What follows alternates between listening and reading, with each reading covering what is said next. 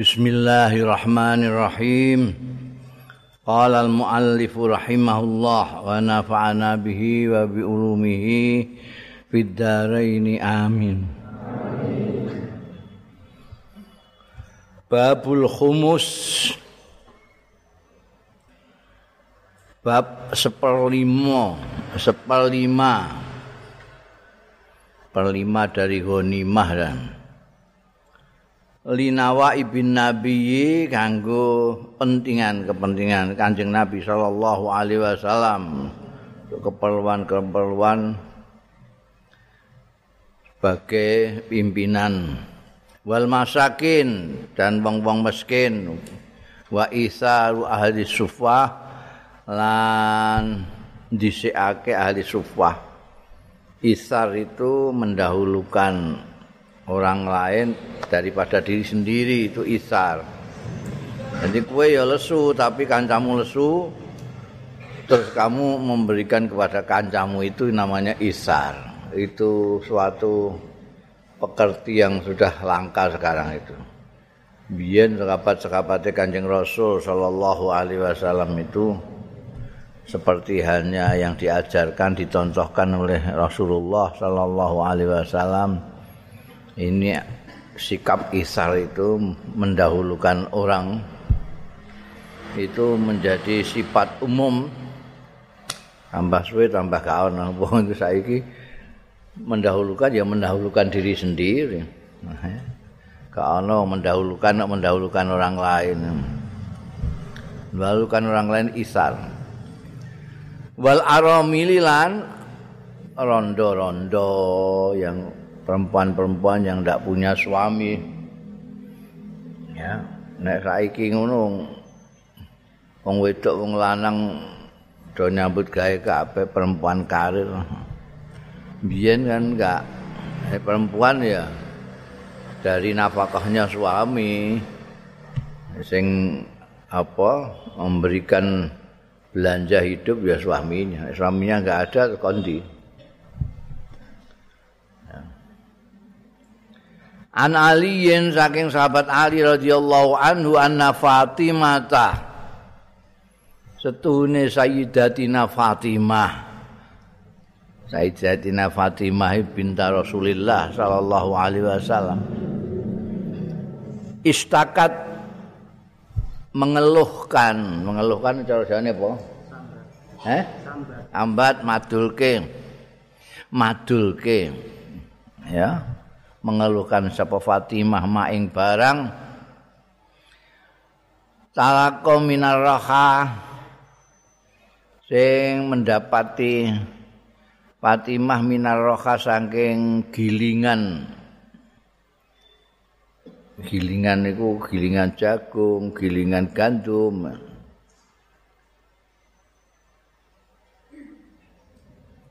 Mimma saking barang tathanu sing gawe glepung sapa Fatimah. Jadi roha itu ada apa namanya? Biyen niku saiki nek ning gone dusun-dusun ning Arab ngono ya isih enak iku. Jadi watu gede bunder di atasnya ada lagi batu lagi dua sama. Ngisore iki ning kene diubengno ngene ngono terus yang asalnya kayak jagung ngono terus jadi glepung terus apa jenenge gandum jadi glepung gini kan tuh Wah iki nek ngene terus seserek kan tangane kan ngapa terus sakit Iku karena batu besar berat. Nah sing gede banget nganggo himar. Himar mubeng ngono. Nek sing rumah tangga iku ya bunder semene tok dihubung nek tangan. Sing tengah iki ana iku sing meh lembutkan itu. Untuk menjadi lembut itu suwe tangan iso kabeh. Sayyidatina Fatimah itu mengeluhkan itu. Astane iki do mlempoh mergo minar roha mimma saking barang tathanu sing gawe glepung ya Siti Aisyah Siti Fatimah. Fabalaghaha mongko sampai ing Siti Fatimah sampai ing Sayyidatina Fatimah artinya Sayyidah Fatimah mendengar wong sampai. Ada berita sampai kepada beliau berarti beliau mendengar Fabalagha mongko sampai ing Sayyidatina Fatimah. Apa? Anna Rasulullah satuhune Kanjeng Rasul sallallahu alaihi wasallam utia ditekani ana datang bisa bin kelawan rampasan. Wah iki mesti dibagi engko iki untuk bagian apa? Ya nek sabi iku biasanya termasuk berupa tawanan wong-wong juga itu. Nanti akan menjadi budak itu. Fa'atathu mongko nekani sowan sapa Siti Aisyah ing Kanjeng Rasul sallallahu alaihi wasallam.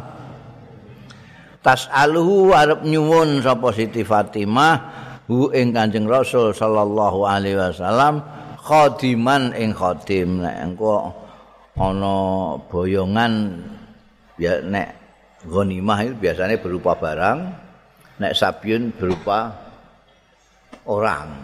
Jadi ada orang-orang itu yang ketangkap biasanya wedok-wedok cacah cilik itu terus dia dadekno budak, dadekno khodam.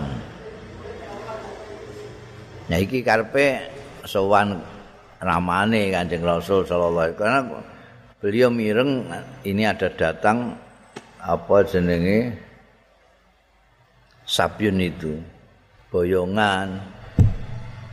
Ah iki iso nyuwun hadam iki ben tanganku gak mlempoh ini. Ya putrane pemimpin agung. Ngantek astane ngantek mlempoh ya Allah Nek pemimpin saiki gak oleh anake nyekel gawe ngene kesane arep nyuwun ngene ana di antara sabyu itu bisa minta khodam lah untuk membantu beliau ngelepung iki. Falam tu wafiqhu mongko ora nemu sapa Siti Fatimah ing Kanjeng Rasul, ndak Kanjeng Nabi gak ada. Gak ketemu Kanjeng Nabi. Wah, lah kok gak ketemu Kanjeng Nabi. Fadzakarat mongko nutur sapa Siti Fatimah li Aisyah marang Sayyidatina Aisyah radhiyallahu anha. Iku kontin. Nah, mriki mriki niku kula krungu nek jarene wonten sabyu nembe dugi kula arep kula ajeng nyuwun khadam setunggal ngoten kangge bantu kula. Kanjeng Nabi tindak. Faja'an nabiyyu mo faja'a mongko rawuh sapa Kanjeng Nabi sallallahu alaihi wasallam fadzakarat mongko nuturake adzalika ing mengkono-mengkono permintaane Siti Fatimah sapa Aisyah Sayyidatina Aisyah lahu marang Kanjeng Rasul sallallahu alaihi wasallam. Ya. Jadi karena enggak ketemu karo Kanjeng Rasul sendiri, maka disampaikan keperluannya itu kepada garwane Sayyidatina Aisyah. Begitu Sayyidatina Aisyah diberitahu nunggu Kanjeng Nabi rawuh terus disampaikan. Niki wau Siti Fatimah mriki ajeng maksude deng jaluk khadam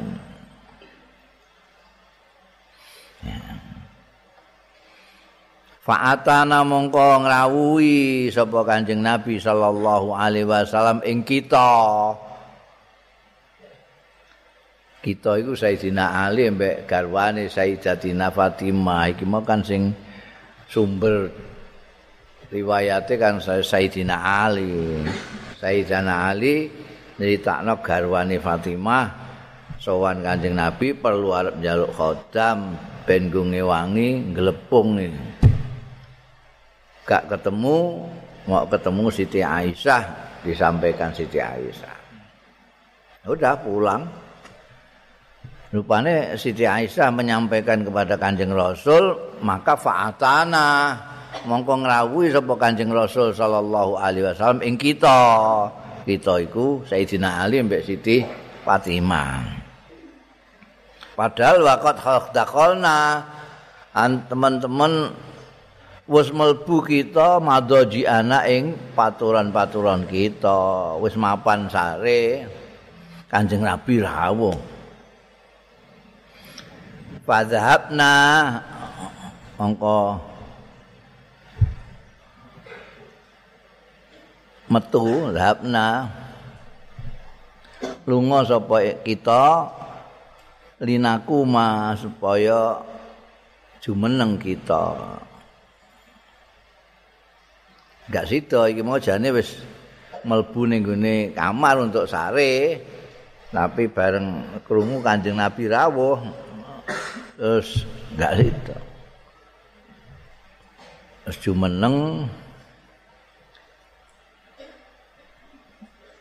Jadi wis wis sing pituran ning peturan ngono iku lho, meng peturan tapi ameh jenggelek maksude. Fazhabna linakuma itu maksude arep jenggelek. Sudah mapan tidur tapi karena Kanjeng Rasul sallallahu alaihi wasallam rawuh, maka berdua ini mau jenggelek ngono. Ameh ngurmati rawuhe Kanjeng Rasul. Faqala mongko dawuh sapa Kanjeng Nabi sallallahu alaihi wasallam, "Ala makanikuma." Wis tetep ing atase panggonan ira loro. Eh, rasa rasa ngadeg ngono ae. Ngono maksudnya ala makanikuma itu gitu. Eh, tetep ngono ae aja rasa ngadeg rasa jenggelek.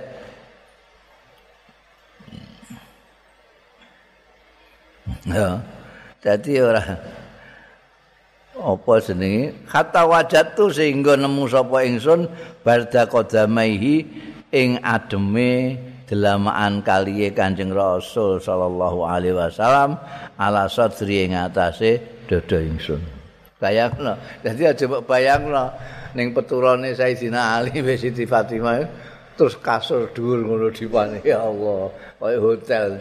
Nek ndelok ngantek an kenek dadane kena sukune Kanjeng Nabi berarti sarene ning isor iki eh ae ning isor kaya kowe ngene kowe kowe isih ana jubine barang masyaallah itu Kanjeng Nabi Muhammad sallallahu alaihi wasallam itu dilalai itu kan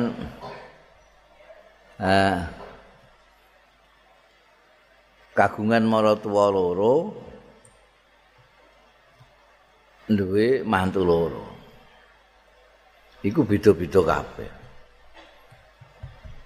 Iku iso maratuane loro Sayyidina Abu Bakar Siddiq embek Sayyidina Umar bin Khattab.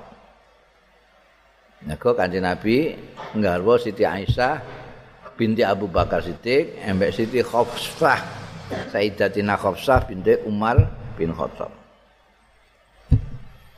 iki Sayyidina Abu Bakar iku ya ora sugih nemen ae cukupan lah tapi Sayyidina Umar luwih luwih sugih mantune loro.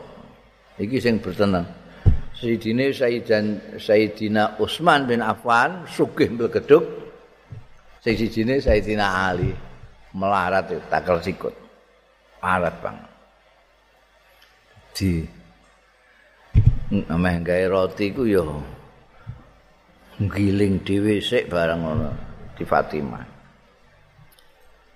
Jadi sarene ning isor sampai wajat tu barda kodamai ala sadri. Aja mbok mbak nani terus tindaki dadane ngono ka. Ora. Jadi karena sarene ngono ameh jenggelek mau lo, mau zahab anakku mah ngadeg. Wis wis niku nae. Waqala mongko dawuh sapa Kanjeng Nabi sallallahu alaihi wasallam ala adulluk adallukuma ala khairim mimma sa'altumani. Ana ta ora kepengin nuduhake sapa ingsun ing sira loro ala khairin ing atase sing luwih bagus mimma saking barang sa'altumani sing nyuwun sira loro ing ingsun kalian berdua minta khodam. Apa tidak ingin saya beritahu yang lebih baik daripada itu. Hmm? Jaluk anu ya. Jaluk khodam. Gue bantu ben kue ora payah-payah nemen. Piye nek tak andani yang lebih baik dari itu. Nggih, idza akhartuma idza akhartuma madaji akuma tatkalane eh ngalap sira loro wis mapan sira loro madaji akuma tatkalane wis mapan sira loro madaji akuma ing panggonan peturon ira loro. Nek wis mapan turu fakabir mongko maca takbir sira Allah ing Gusti Allah taala arbaan wa salasina ing telung puluh papat. 34 kali. Allahu Akbar Allahu Akbar Allahu Akbar sampai 34 wahmada lan maca tahmid. Alhamdulillah alhamdulillah. Salasan wa salasina telung puluh telu ambalan. Wasabbiha lan maca tasbih sila loro salasan wasalasina telung puluh telu ambalan. Alhamdulillah Alhamdulillah Alhamdulillah ping telung puluh telu. Subhanallah Subhanallah ping telung puluh telu. Allahu Akbar Allahu Akbar ping telung puluh papat. Jumlahnya satu Fa inna dzalika mongko sedune mengkono-mengkono wacananmu nalika sare iku khairun luweh bagus laku makanggo sira loro mimma sa'altuma tinimbangane barang kang nyuwun sira loro ing ma. Ya masyaallah bisa mbok bayangno kehidupannya mantune Kanjeng Nabi. Putrane Kanjeng Nabi, putra kinasi Kanjeng Nabi sampai melarate kaya ngono. Jaluk khodam malah dikai donga. dikai donga. Ya. Ora. Iki luwih bagus iki. Jadi kita jadi tahu bahwa Subhanallah. 33 kali Alhamdulillah 33 kali. Allahu Akbar. 34 kali itu tidak hanya untuk wiridan sebab setelah sholat tapi bisa untuk menjaga kekuatan stamina kita. Karena itu lebih baik daripada dua khatam. Maksudnya golek khadam itu kan supaya meringankan beban. Karena apa giling gandum iki mau melelahkan sekali, menyakitkan sekali. Nah, terus diparingi Tunggu kanjeng Nabi iki. Subhanallah puluh telu. Alhamdulillah ping telung puluh telu. Allahu Akbar ping telung puluh papat. Itu ora usah duwe khodam rasane kayak dibantu al khodam. Jadi ringan. Jadi ini termasuk apa? Wiridan kanggo kekuatan kanggo kekuatan.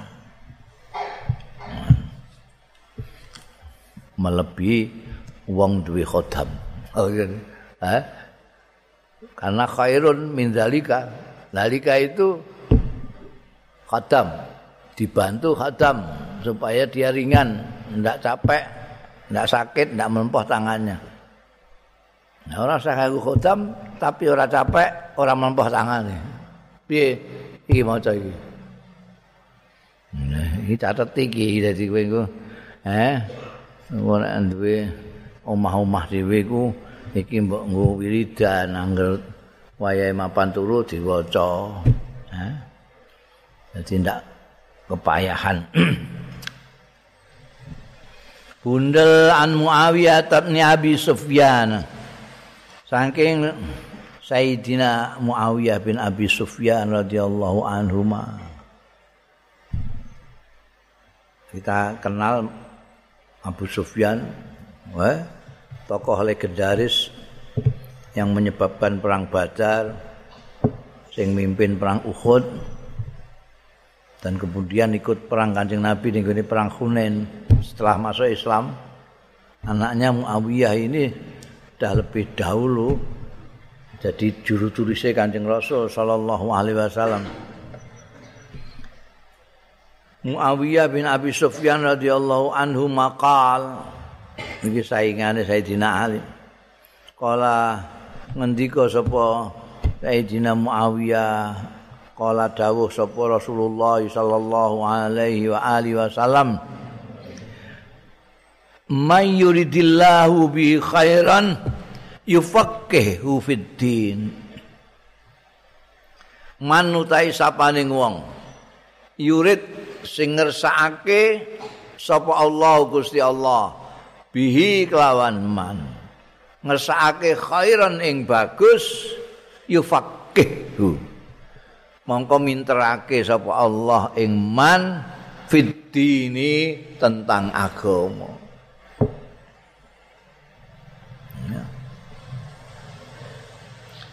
Wallahu ta'i Gusti Allah iku al-mu'ti sing paring wa ana utawi ingsun iku al-qasim sing tukang bagi ngono sing bagi wala tazalu tan ora gingsir-gingsir. Apa hadil ummatu iki umat ora gingsir-gingsir iku zahirina menang. Kabeh alaman khalafahum. Ing atase mengalahkan ing atase wong. Khalafahum sing menyelisih yaman ing umat hatta ya'tiya sehingga teko apa amrullahi perkarane Gusti Allah tegese kiamat. Wa hum hale utawi hadil ummah iku zahiruna iku menang. Ya ini hadis yang diriwayatkan oleh Sayyidina Muawiyah bin Abi Sufyan ini ada beberapa hal. Yang pertama, mayuridillahu bi khairan yufaqihu fiddin. Kalau kita ingin menandai Allah mengendaki seseorang itu baik, lihat saja. Orang kalau orang itu diberi kepandaian agama, berarti Tuhan mengendaki orang itu baik. Ya. Nek kowe belajar mau belajar agama itu sana tanda-tanda.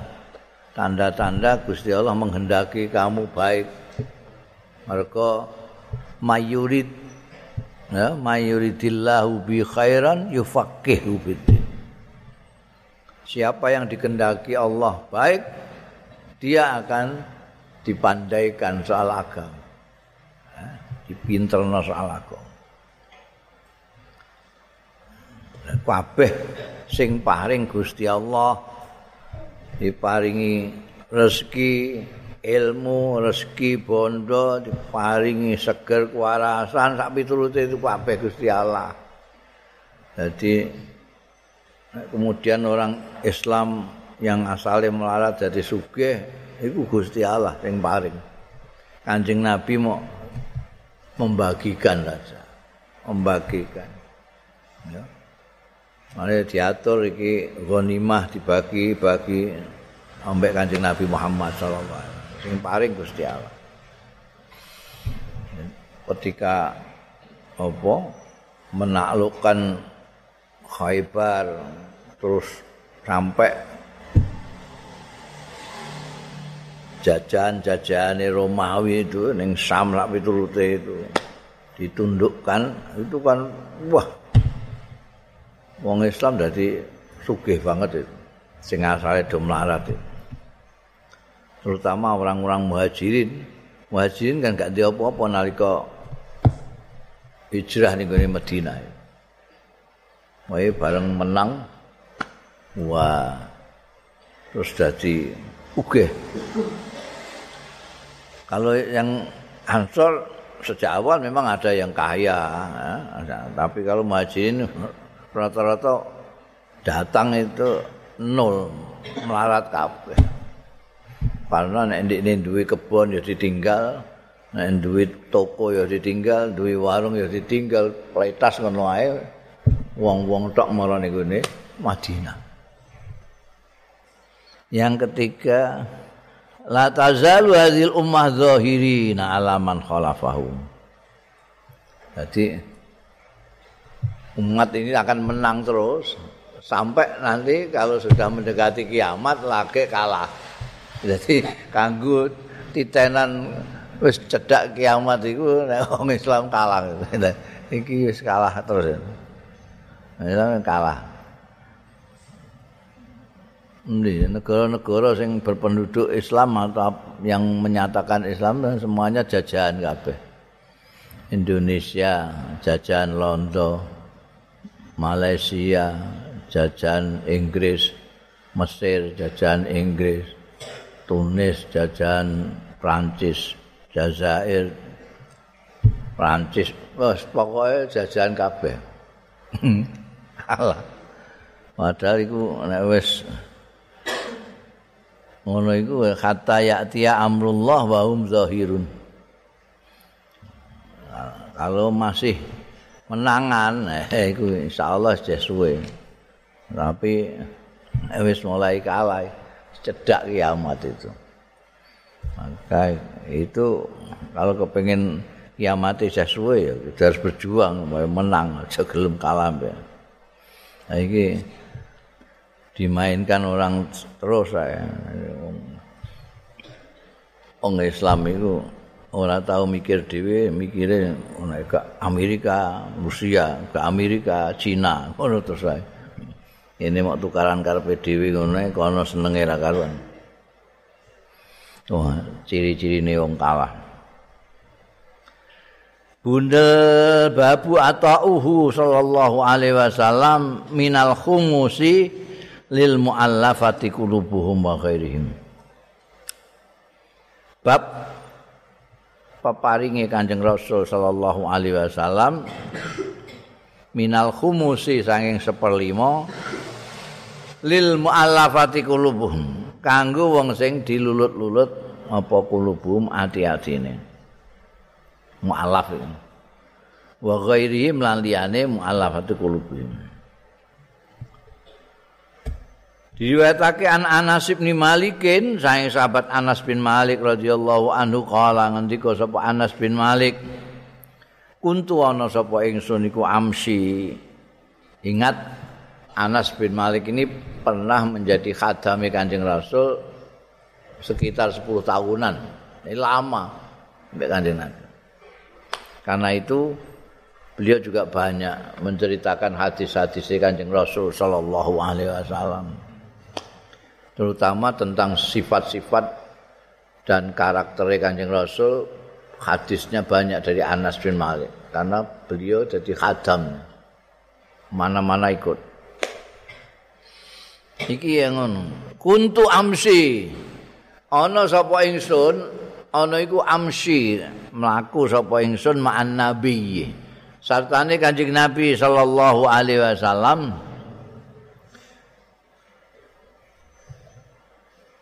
wa alaihi lan iku ing atase Kanjeng Nabi sallallahu alaihi wasallam burdun najraniyun semacam mantel kemul made in Najran. Najran itu daerah ning Yaman saya sebelah selatan Jazirah Arab itu dulu terkenal dengan eh, produk-produk kainnya itu, pakaian-pakaian. Saiki Burj itu sing terkenal ora Yaman saiki sing memproduk yang terkenal dinggo kaji-kaji kiai-kiai nek ning anu di oleh-oleh ana aniku kok India, Kashmir. Kashmir, ser, koyok serban wedi ngene iku. Jane iku bordon dinggo kemulan ya, tapi mbekan kiai-kiai Jawa dinggo serbanan dadi gembelo ngono. Wong wong iku bener dinggo kemulan, dinggo serbanan dadi gembelo gedhi. Iku bordon. Kanjeng Nabi nalika iku uh, ngagem bordun Najrani, bikinan Najran dari Yaman. Ghalizul khasyati sing kandel pinggirane khasyah. Pinggirane kandel. Fa'adrakahu mongko metuki ing Kanjeng Nabi sallallahu alaihi wasallam sapa Arabiyun wong dusun. Ya nek Arabiyun wong Arab, nek Arabiyun itu orang dusun Arab.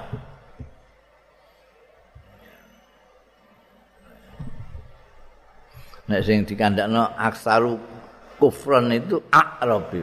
Orang Arab ya, orang dusun. orang dusun Arab itu yang masih asli tidak mengenal peradaban kota. Madinah itu sudah kota. Sudah beradab.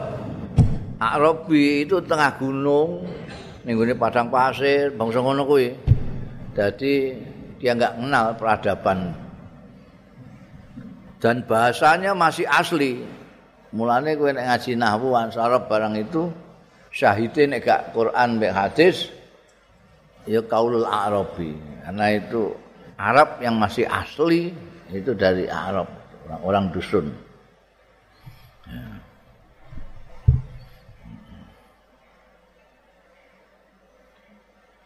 Iki Kanjeng Nabi dipetuki oleh orang-orang oleh orang seorang Arabi. Fajadzabahu mongko narik sapa Arabi ing Kanjeng Nabi sallallahu alaihi wasallam jazbatan sadidatan kelawan tarian sing banter. Pancen ra diunggah-ungguh Arabi yo dusun. Iku Kanjeng Nabi lagi ngagem burdah. Burdah Najrani iku pinggirane kuwandele enggak karuan, kasar maksudnya. Ghalid itu. Budi tarik Nabi, tarik bukan teriak karuan. Hatta nazar tu sehingga ningali sapa ingsun ila safhati atikin nabiyyi ing asase permukaan pundake Kanjeng Nabi sallallahu alaihi wasallam. Tak tingali kot asarat teman-teman membekas memberi bekas bihi kelawan atikin Nabi sallallahu alaihi wasallam khasiatar rida ing pinggirane rida itu burd mau. Kena apa? Min siddati jazbatihi saking bantere kencenge nemene narike. Arabi mau Suma kala kali-kali ngucap sapa Arabi muli min malillah. Ampean perintah noli kangge kula. Min malillah saking bandane Gusti Allah alladzi indaka. Kang ana indaka sandingi sampean ya. Oh asine wong dusun ora tahu ngerti peradaban lan dua dia ini mau arep njaluk ngono ae lho njaluk bagian. Tapi narik ngono buat Tapi ini sampai kengken itu yang bagi bandane Gusti Allah. Ini orang betul gadani sampean, gadani Gusti Allah sampean bagi. Kanjeng Nabi piye? Falta fata mongko noleh sapa Kanjeng Nabi sallallahu alaihi wasallam ilaihi marang Arabi fadhika. eh, meneng kene pimpinan mbok konokno kuampleng langsung kowe. Fadhika. Menggujeng sapa Kanjeng Nabi. Suma amara mongko keri-keri perintah sapa Kanjeng Nabi sallallahu alaihi wasallam lahu kanggo akrabi bi atain kelawan peparing. Oh. Kenapa Kanjeng Nabi kok tidak ngamuk, tidak duka? Oh itu sering Kanjeng Nabi begitu itu. Malah sekapat-sekapat yang lain pernah ngantekan ngunus pedang. Mergo gak rilo Kanjeng Nabi diperlakukan kasar gitu. Ini Kanjeng Nabi malah mesem, guy, gujeng. maksudnya mesem fatohika iku. Mergo ngujenge Kanjeng Nabi ya mesem iku. Ora ngakak-ngakak kaya kowe no. Fatohika mesem.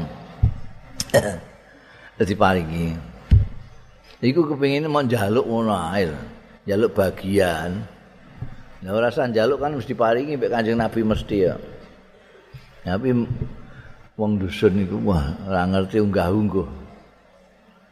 Lu ngantek ning kene mabang anu membekas itu.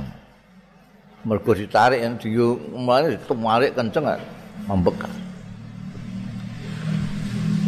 Eloknya itu Kanjeng Nabi falta fata ilahi fadhika. Lama sekali dan kenapa? Karena Kanjeng Nabi tahu ini orang dusun. Dusun. Salah rambok didik rambok kandani. Apa ya? dididik kayak yang di kota-kota ini dia ngerti tadi. Jadi dimaklumi, dimaklumi. Apalagi didawuhi karo sing utus yaiku Allah taala fa'fu anhum. Fa'fu anhum. Kanjeng Nabi itu didawuhi fa'fu anhum. Iku fabima rahmatin minallah lintalahum hum iku ning umate Kalau kunta fadhan ghalizal qalbi lam faddu min khaulik. Nah, kalau kamu keras, kasar, kejam pada mereka, mereka tentu tidak mau dekat-dekat kamu. Fa'fu anhu. Kalau mereka kurang ajar, kurang toto, maafkan. fa'fu anhu. Kalau kurang totonya kepada kamu, maafkan. Nek kurang totonya karo Gusti Allah, fastaghfir lahum. Fa'fu anhum, wastaghfir lahum. Itulah mestinya pemimpin itu ya. Kayak begitu. Kanjeng Nabi Muhammad wasallam harus dadanya lebih lapang dari yang lain. Karena mereka yang dipimpin itu jelas di bawahnya. Kalau di bawahnya tidak mungkin seperti dia, dia di bawah. Nek ini bisa apa namanya mengekang yang bawah tidak bisa. Ya yes, maklum. Maka sing ngalahi itu fakwa. Nah, menariknya karena setelah fa'fu anhum bah astaghfir salahnya kepada kanjeng Rasul Shallallahu Alaihi Wasallam kanjeng Rasul diminta untuk memaafkan ya. kalau kesalahannya kepada Allah kanjeng Rasul diminta untuk memohonkan ampunan astaghfir lahum itu memohonkan ampunan kepada Allah Ono riwayat sampai saiki iki Kanjeng Nabi Muhammad sallallahu alaihi wasallam memantau umatnya itu kalau ada yang punya salah kepada Rasul dimaafkan, yang punya salah kepada Allah beliau memohonkan ampun. Luar biasa. Mergo Kanjeng Nabi Muhammad sallallahu alaihi wasallam diutus Gusti Allah itu dipilih dari hambanya yang memang mempunyai kasih sayang yang luar biasa kepada umat pada sesama. Ya, jadi berbahagialah menjadi umat kanjeng Nabi Muhammad sallallahu alaihi wasallam. Bersyukurlah menjadi umatnya kanjeng Nabi Muhammad.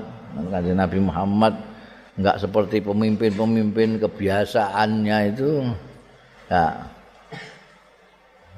dikasari barang isih mesem. An Muhammad bin Jubair, Jabir bin Mut'im radhiyallahu anhu, Muhammad bin Jabir bin Mut'im radhiyallahu anhu. Kala ngendika sapa Muhammad Akhbaroni abi. Berarti Jabir sing ngabari. Anau setuhune kelakuan baina huwa nalikane huwa ya abi iku Jabir ma'a Rasulillah sartane Kanjeng Rasul sallallahu alaihi wasallam wa ma'ahu lan sartane Kanjeng Rasul sallallahu alaihi wasallam annasu tai wong akeh. Wong akeh nek insan iku wong siji. Enas wong akeh. Mukbilan madhep min ghazwati Hunain. Saking perang Hunain. Perang Hunain itu Kalau Fathu Makkah itu tahun ke-8 Hijriah, Hunain itu setahun kemudian, jadi tahun ke-9. Bagilah tahun eh, ya tahun 8 itu juga tapi agak mundur. Jadi perang Hunain itu pasukannya sudah banyak karena ada orang-orang Islam baru. Jadi ketika Fathu Mekah itu, Mekah ditundukkan, itu kan banyak yang masuk Islam ya. Termasuk Abu Sufyan, Ikrimah putranya Abu Jahal, eh? Terus banyak lagi lah. Itu banyak. Jadi ketika perang Hunain itu bukan hanya Ansor dan Muhajirin saja, tapi sudah termasuk orang-orang yang baru-baru itu. Ini yang diceritakan adalah perang Hunain itu. Ketika datang dari Ghazwatu Hunain alaqat Rasulullah ganduli Rasulullah ing Kanjeng Rasul sallallahu alaihi wasallam sapa al-Arab wong-wong dusun yas'alunahu Arabi itu orang dusun, Arab itu banyak orang Arab. berang orang dusun. Yas'alunahu padha nyuwun ya Arab hu ing Kanjeng Rasul sallallahu alaihi wasallam. Wah, diguanduli lho. Anune diguanduli wong-wong iku. Wong dusun. Ya kaya mau kaya sing dikisahno mbekan Sayyidina Anas bin Malik mau arep jaluk apa tahap mbek Kanjeng Nabi yas'alunahu. hatta itarru sehingga mendesak ia Arab mau ing Kanjeng Rasul ila samrati ila samratin maring sujining wit. Sawit namanya pohon itu. Apa jenenge? Yang mempunyai bunga kuning kuning kuning samrah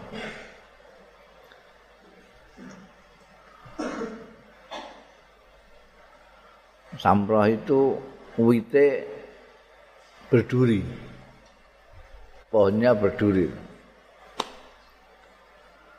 Fakhatafat ridaahu. Fakhatafat mongko nyangkut ya samroh ridaahu ing ridae Kanjeng Rasul sallallahu alaihi wasallam. Rida itu bisa berburda, bisa berset serban bisa macam-macam lah. Pokoknya yang dipakai di atas itu tidak. Dipakai di bawah ngopo sarung ngopo pakaian ikhram kalau di bawah namanya izar. Yang di depan.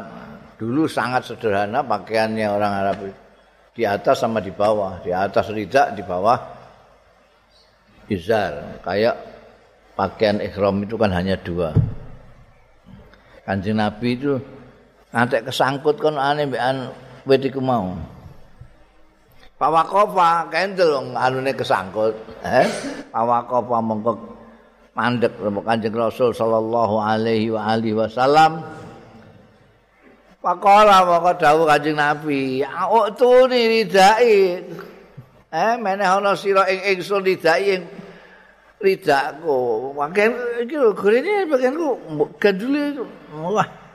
Kon oh, diganduli wong akeh ngantek apa didesak-desak ngantek tekan gone wit-witan sing berduri itu ngantek nyangkut ning gone wit-witan sampura. Oh. Kanjeng Nabi iki cono iki piye? Kalau kana ada tuh rumah samu kowe merah tak kayak ngono, mame berarti ini nek gak diganduli kok gak dikek ngono maksudnya. rumah samu itu piye? Falau kana ada tu hadil udah. Mongko lamun ana apa ada tu hadil udah wilangane iki wit-witan. Wit-witan seminake iki. Ora mok sitok-tok nek mau samrah mau. Udah iku pirang-pirang. Kok umpamane wit-witan iki kok naaman rupa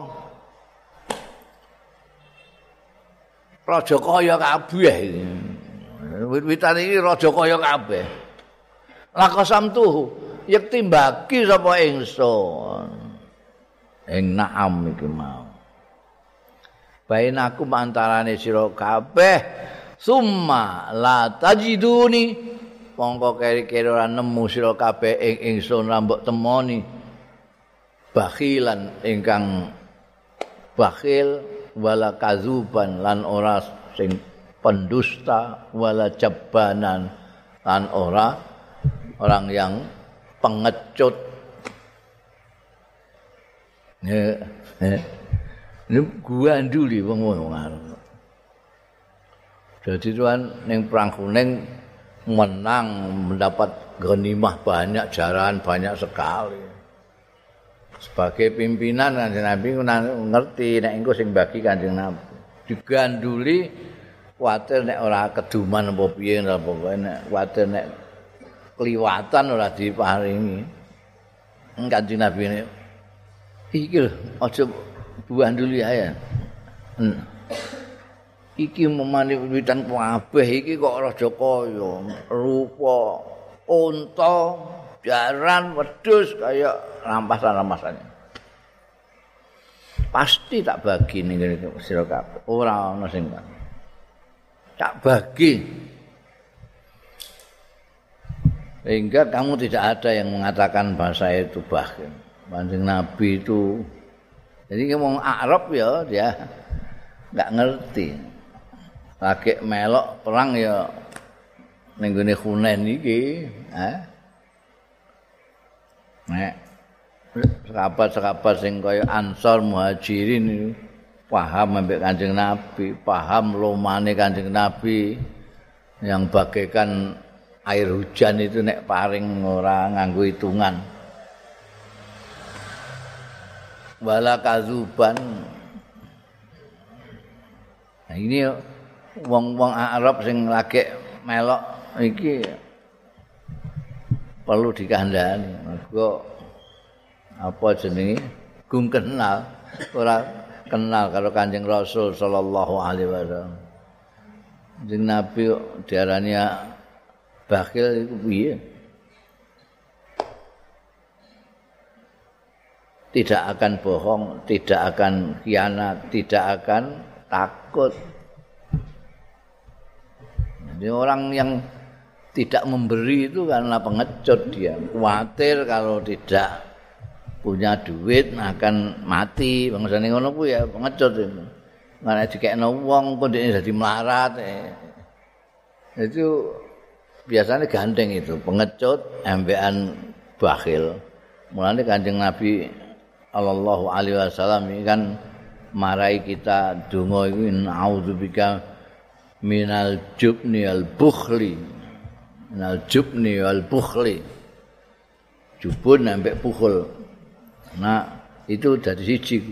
Kalau kamu itu ketakut, kamu bisa jadi bakhil. Kenapa? Karena takut itulah yang membuat kamu sayang kalau memberikan sesuatu karena kamu memikirkan yung kok nek gak anu aku nek gak didik piye. Aku ora ngono-ngono. Iku jenenge jaban ya.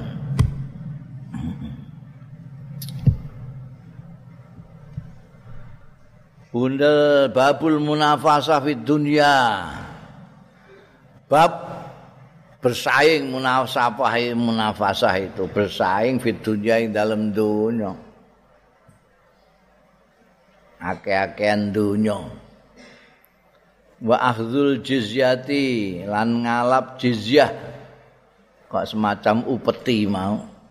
Al jizyah itu semacam upeti. minal Yahudi saking wong-wong Yahudi wan Nasara lan wong-wong Nasari Nasrani wal Majusi lan wong-wong Majusi.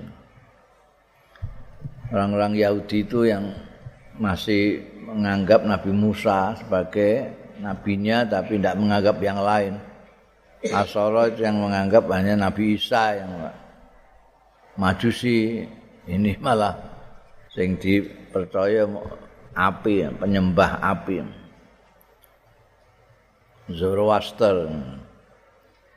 An Amr bin Auf al Ansari saking rabat Amr bin Auf al Ansari anna Rasulullah setuhune Kanjeng Rasul sallallahu alaihi wasallam ba'asa iku ngutus ya Kanjeng Rasul sallallahu alaihi wasallam Aba Ubaidata ing sahabat Abu Ubaidah bin Al Jarrah Abu Ubaidah bin Al Jarrah ingat beliau ini adalah sahabat besar yang setara lah dengan Sayyidina Umar, sahabat Utsman segala macam yang dijuluki Kanjeng Nabi Muhammad sallallahu alaihi wasallam sebagai Aminul Ummah.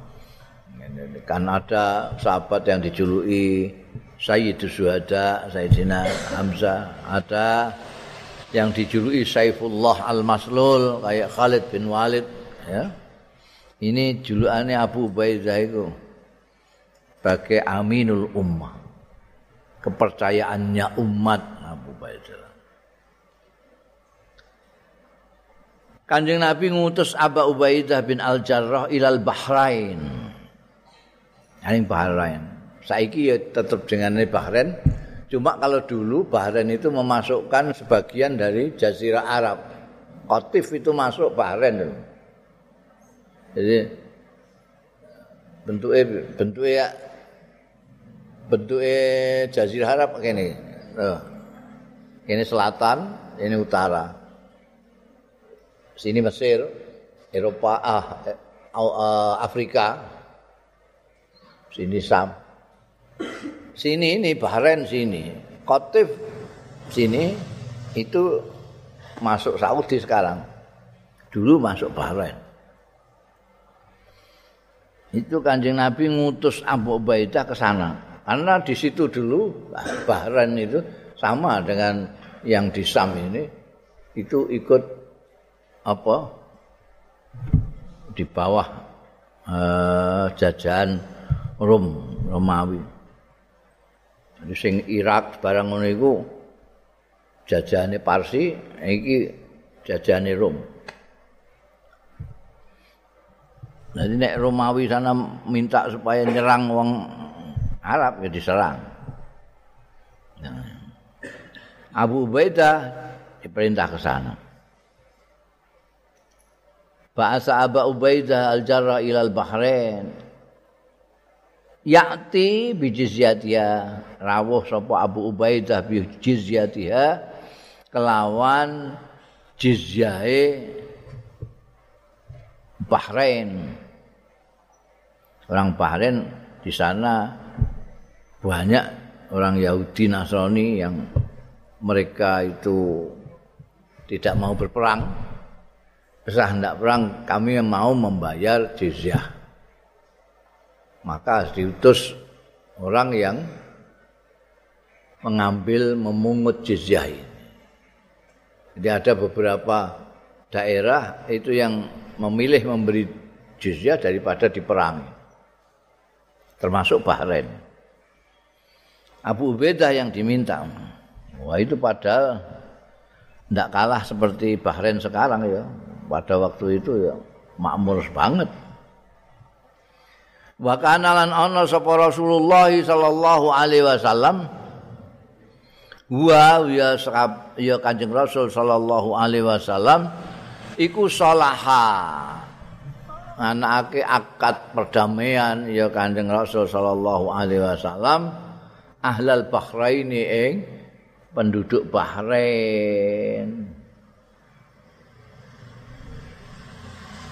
wa amar alaihim lan mengangkat pimpinan jadi wali kota niku amir alaihim ing atase ahlul Bahrain ngangkat sapa Kanjeng Nabi ngangkat ngangkat ing amir pimpinan sapa Kanjeng Nabi alaihim ing atase ahlul Bahrain angkat pimpinan Al-Ala bin Al-Hadrami ing Al-Ala bin Al-Hadrami.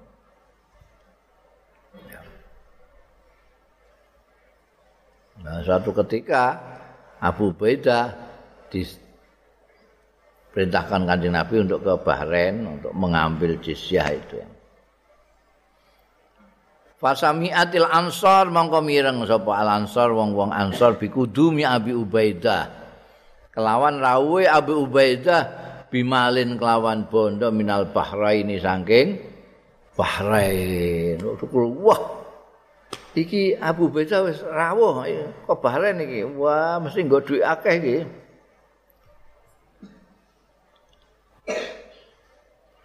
Wafat mongko nekani ya orang-orang ansor salat al subhi ing sembahyang subuh ma'an nabi satane kanjeng nabi sallallahu alaihi wa alihi wasallam Falamma shalla bihim mongko bareng wis salat sapa kanjeng nabi sallallahu alaihi wasallam bihim kelawan wong-wong ansor al fajr ing salat fajar salat subuh insarafa mongko bubaran kanjeng rasul sallallahu alaihi wasallam fata'arradu mongko nyegat ya wong-wong Ansor maulahu marang Kanjeng Rasul sallallahu alaihi wasallam.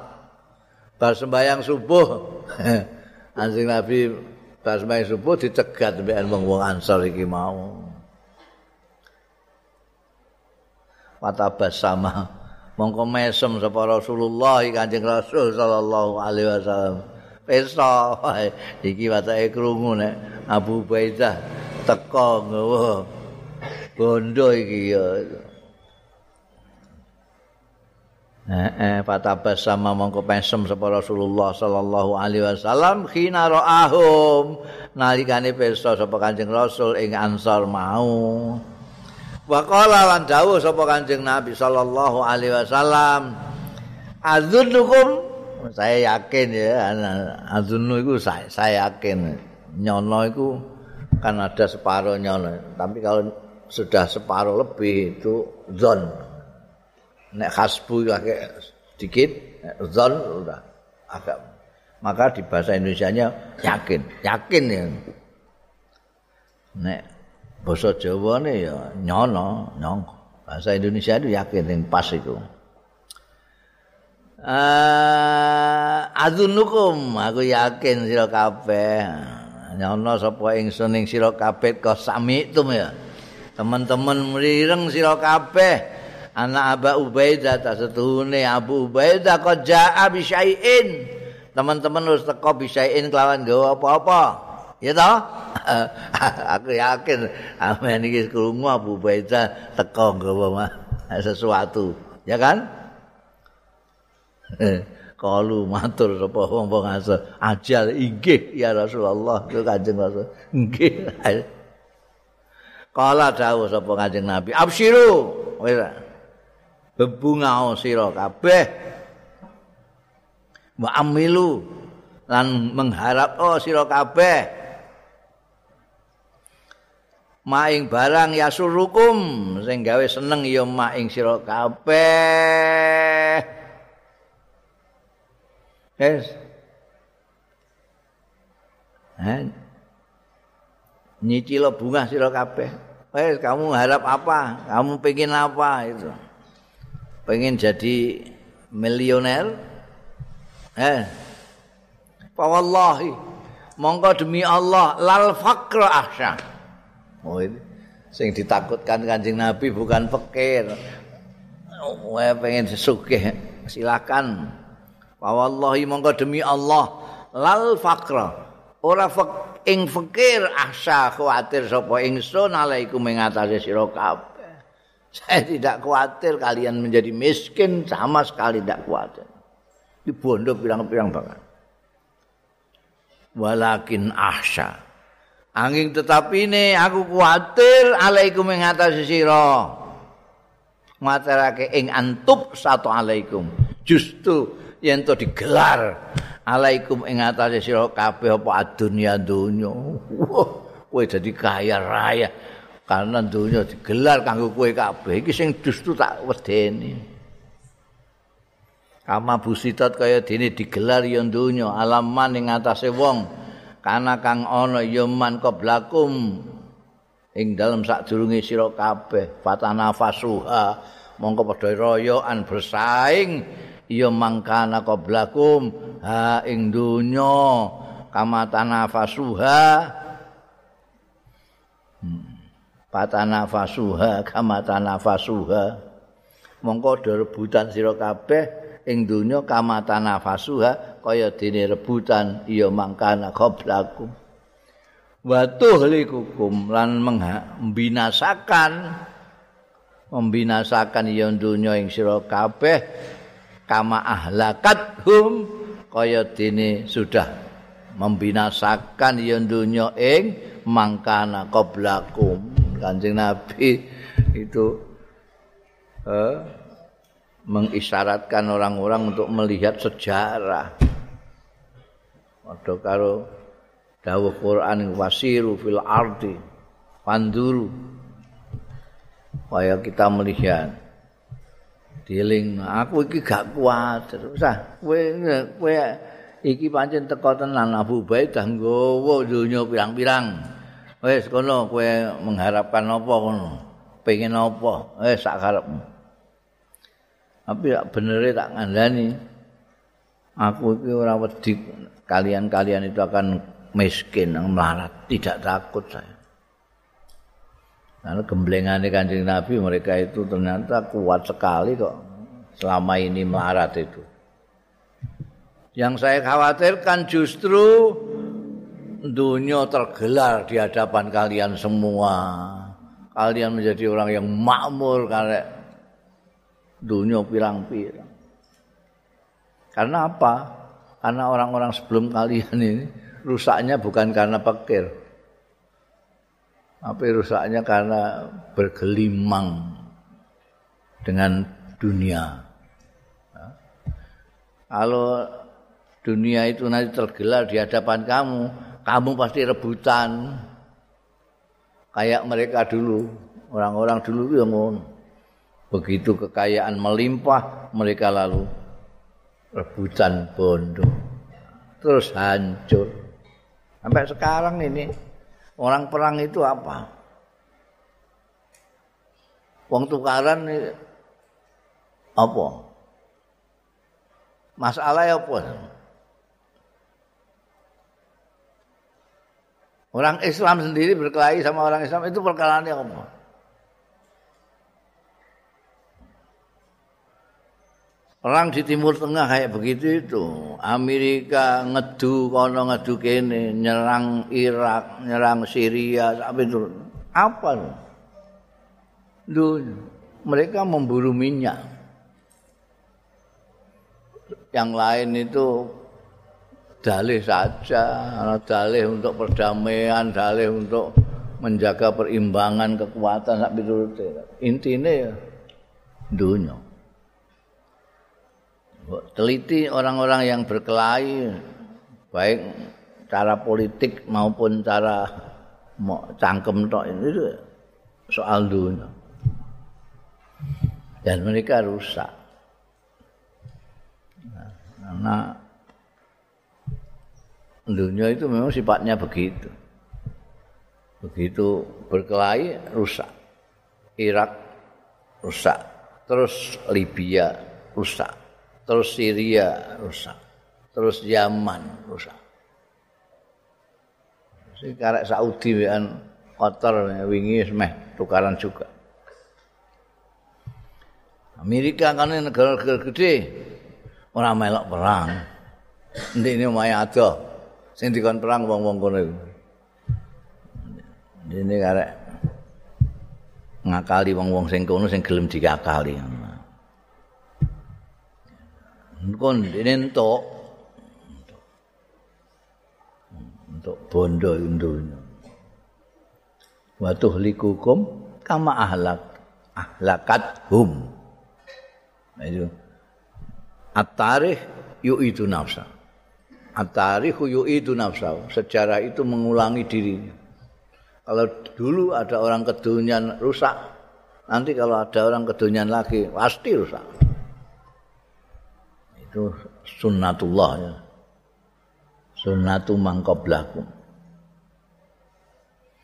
Babu ma yuhzaru minal ghadr wallahu alam.